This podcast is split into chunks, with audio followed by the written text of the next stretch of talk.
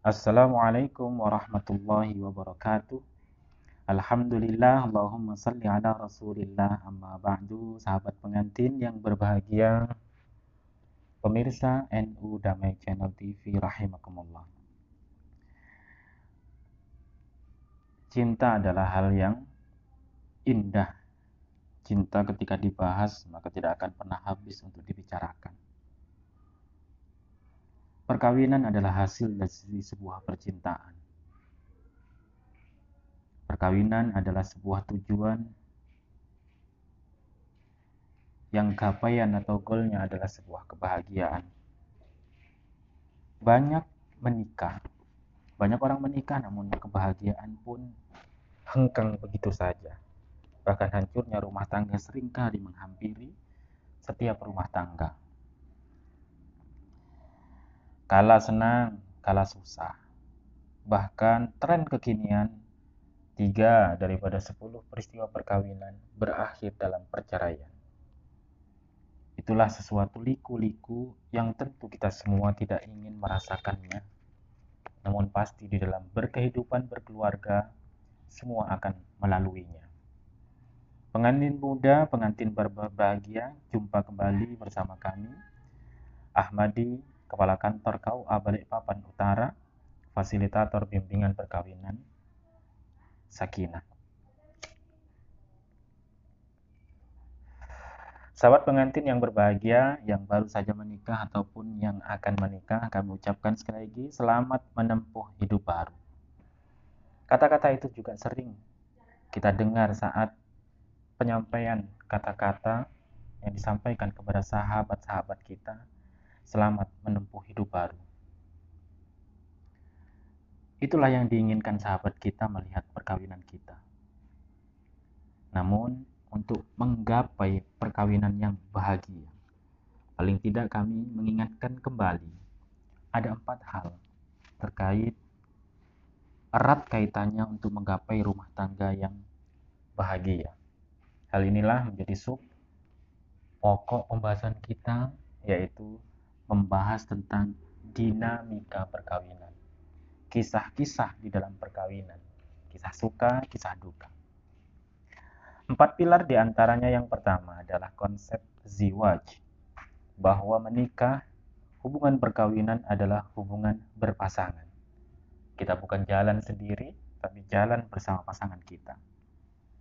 Konsep yang kedua adalah konsep misa konholido, janji yang kokoh. Perkawinan adalah perjanjian yang kokoh. Perkawinan bukan janji begitu saja. Ungkapan kita untuk disiarkan atau disakralkan, diikatkan dalam bentuk pernikahan begitu saja. Namun perkawinan itu adalah ikatan janji antara sesama manusia dan sekaligus diucapkan kepada masyarakat dan diaturkan dihadapkan kepada Allah sang pemilik cinta tersebut maka itu tentu bukan ikatan biasa-biasa saja. Ketiga, muasyarah bil ma'ruf. Pilar yang ketiga adalah bergaul dengan cara yang baik. Rumah tangga tentu datang atau pasangan kita berasal dari tentu tidak sama cara berpendidikannya, cara bergaulnya, cara ngomongnya dan ngobrolnya. Suku berbeda dan semuanya itu berbeda. Karena itulah dari keberbedaan kata tadi kita dipertemukan dengan beberapa persamaan, dengan beberapa hobi yang mungkin sedikit mirip dan itulah yang biasanya menjadi titik temu dengan pasangan kita. Kembali, peranan kita untuk berbuat baik dengan pasangan kita itulah yang menjadi jalan untuk menuju tujuan bahagia yang kita inginkan. Sahabat pengantin yang berbahagia, Pilar yang keempat itu adalah musyawarah, konsep untuk tukar pikiran. Perkawinan ketika ingin berakhir atau berjalan dengan baik. Maka tidak kalah pentingnya konsep obrolan tersebut didasari dengan konsep musyawarah. Musyawarah itu apa sih?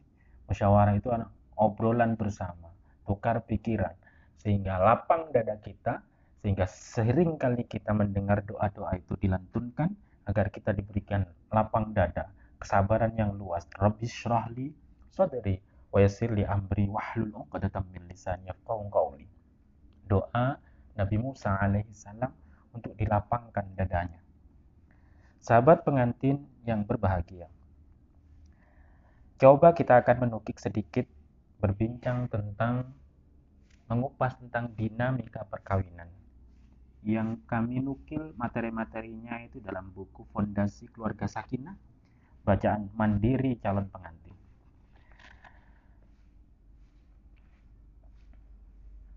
komponen di dalam hubungan perkawinan itu paling tidak memiliki psikologi tiga komponen psikologis yang erat kaitannya yang ujung-ujungnya nanti akan berkaitan dengan bahagia dan tidaknya sebuah perkawinan. Yang pertama adalah kedekatan emosi, yaitu Bagaimana pasangan kita sebagai suami istri saling merasa memiliki, saling terhubung dua pribadi menjadi satu. Kedekatan emosi ini membuat suami istri akan merasa tentram. Sejalan dengan itu, Allah berfirman di surah Ar-Rum ayat 21, A'udzu billahi minasyaitonir rajim. Bismillahirrahmanirrahim. Wa min ayatihi an khalaqalakum min anfusikum azwaja. Tanda-tanda kebesaran Allah itu ada Allah menciptakan untuk kalian dari jenis kalian sendiri pasangannya. Litas kunu ilaiha agar kalian bisa merasa condong terhadapnya atau sakinah kepadanya. Waja'ala bainakum mawaddatan warahmah dan Allah jadikan agar tercapai rasa sakinah tadi adanya rasa cinta, dan rasa sayang, emosi, keinginan, ingin dekat, ingin dikasih, ingin disayangi. Sahabat pengantin yang berbahagia, komponen yang kedua adalah adanya komitmen. Yaitu, apa sebenarnya komitmen itu? Komitmen itu adalah bagaimana kita selaku pasangan suami istri mengikat janji untuk menjaga hubungan agar lestari terus-menerus serta hubungan tersebut dapat membawa kebaikan bersama. Wa khatna minkum mitsaqan ghalido. Surah An-Nisa ayat 21. Sungguh-sungguh perempuan tadi telah meminta atau mengambil janji yang kokoh kepada kalian wahai sang suami.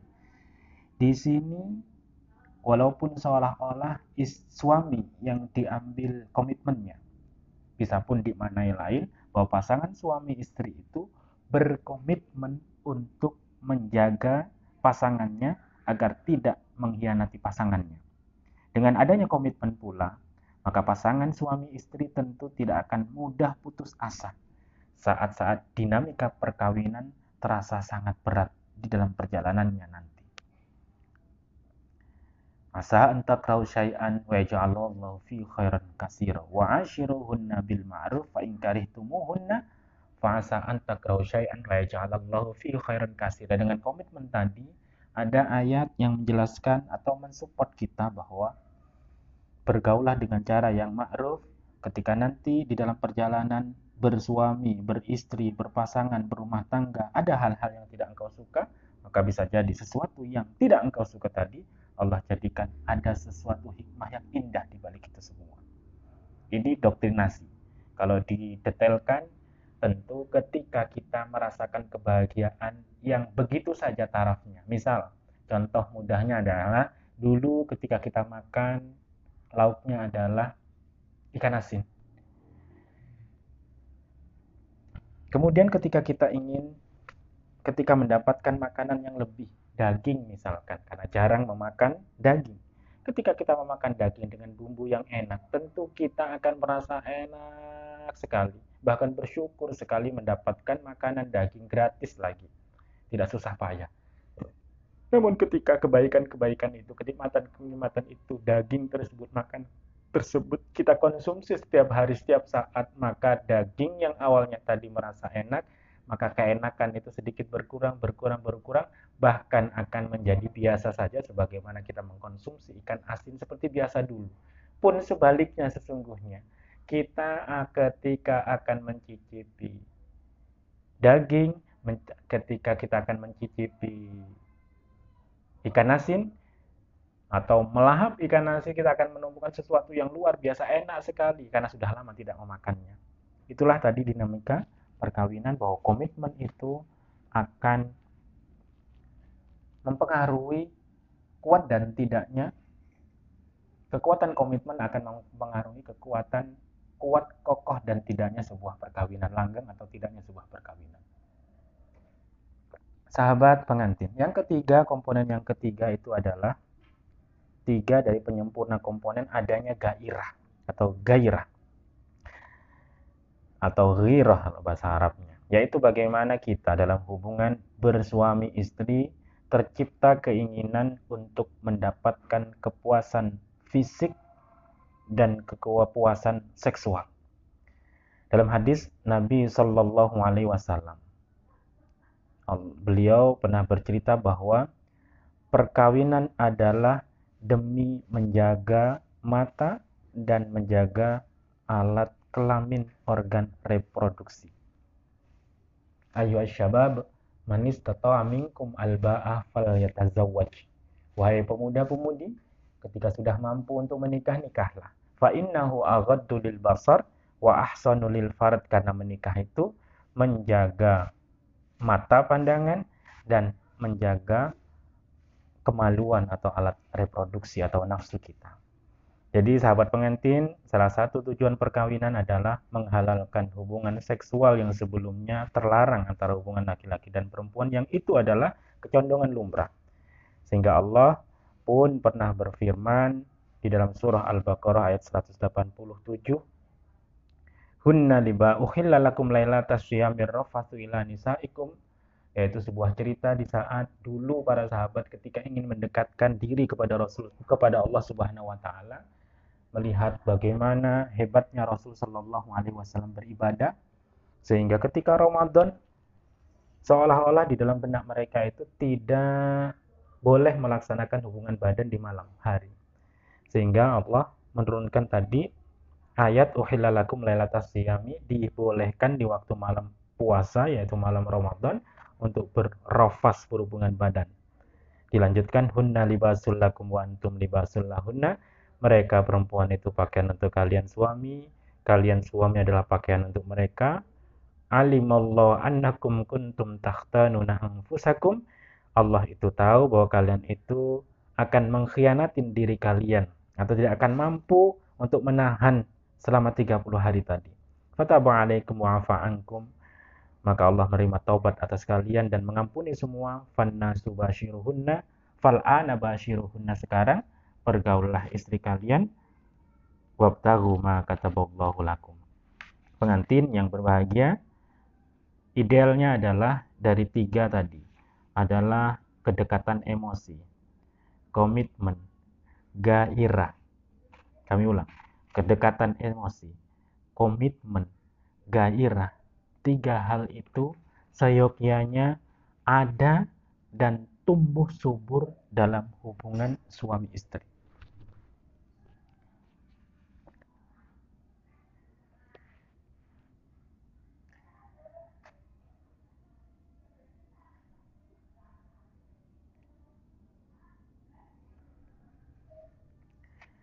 Namun, sahabat pengantin, tentu tiga hal tadi tidak serta-merta akan ada begitu saja. Namun tiga komponen itu akan silih berganti, berkurang, bertambah. Dan ketika terjadi pengurangan-pengurangan atau penambahan-penambahan di antara tiga komponen tadi, maka paling tidak ada tujuh kondisi yang akan kita kita rasakan. Misalkan sahabat pengantin. Kondisi yang pertama misalkan adalah yang pertama adalah adanya kedekatan emosi, kedekatan emosi antar pasangan full, gairah full, komitmen full. Maka ini adalah kondisi terideal. Sehingga kondisi yang seperti ini dapat menciptakan kondisi yang sakinah, mawaddah, warahmah bagi pasangan suami istri. Kondisi yang kedua bagaimana? Misalkan gairah antar pasangan kita full, komitmen juga sudah ada. Namun kedekatan emosi kita itu berkurang, maka pasangan suami istri yang demikian akan sulit mendapatkan ketentraman hati. Ini karena apa? Karena kebutuhannya untuk memiliki pasangan jiwa tidak terpenuhi. Akibatnya, salah satu antara kedua belah pihak merasa tidak bahagia, padahal gairah ada. Nafsu ada, komitmen ingin baik menuju langgengnya sebuah rumah tangga ada. Namun kedekatan emosi, kedekatan psikologi masing-masing pasangan berkurang. Pengantin yang berbahagia yang ketiga, komitmen ada. Kondisi di mana komitmen ada. Kedekatan emosi ada. Gairah berkurang. Akibatnya tanpa gairah maka kebutuhan seksual pasangan suami istri tidak akan terpenuhi walaupun mereka memiliki kita semua memiliki komitmen hubungan yang kuat dan saling memahami. Padahal sesungguhnya kebutuhan seksual itu tidak dapat dipungkiri atau tidak dapat kita ingkari semuanya bahwa setiap individu-individu sehat tentu kita akan membutuhkan hubungan tersebut. Apabila kebutuhan seksual ini atau gairah ini tidak terpenuhi, maka cepat atau lambat kita akan cenderung mencari pemenuhan di luar hubungan pasangan suami istri. Sahabat pengantin yang berbahagia, kondisi yang keempat. Apa sih? Yaitu misalkan contoh, kondisi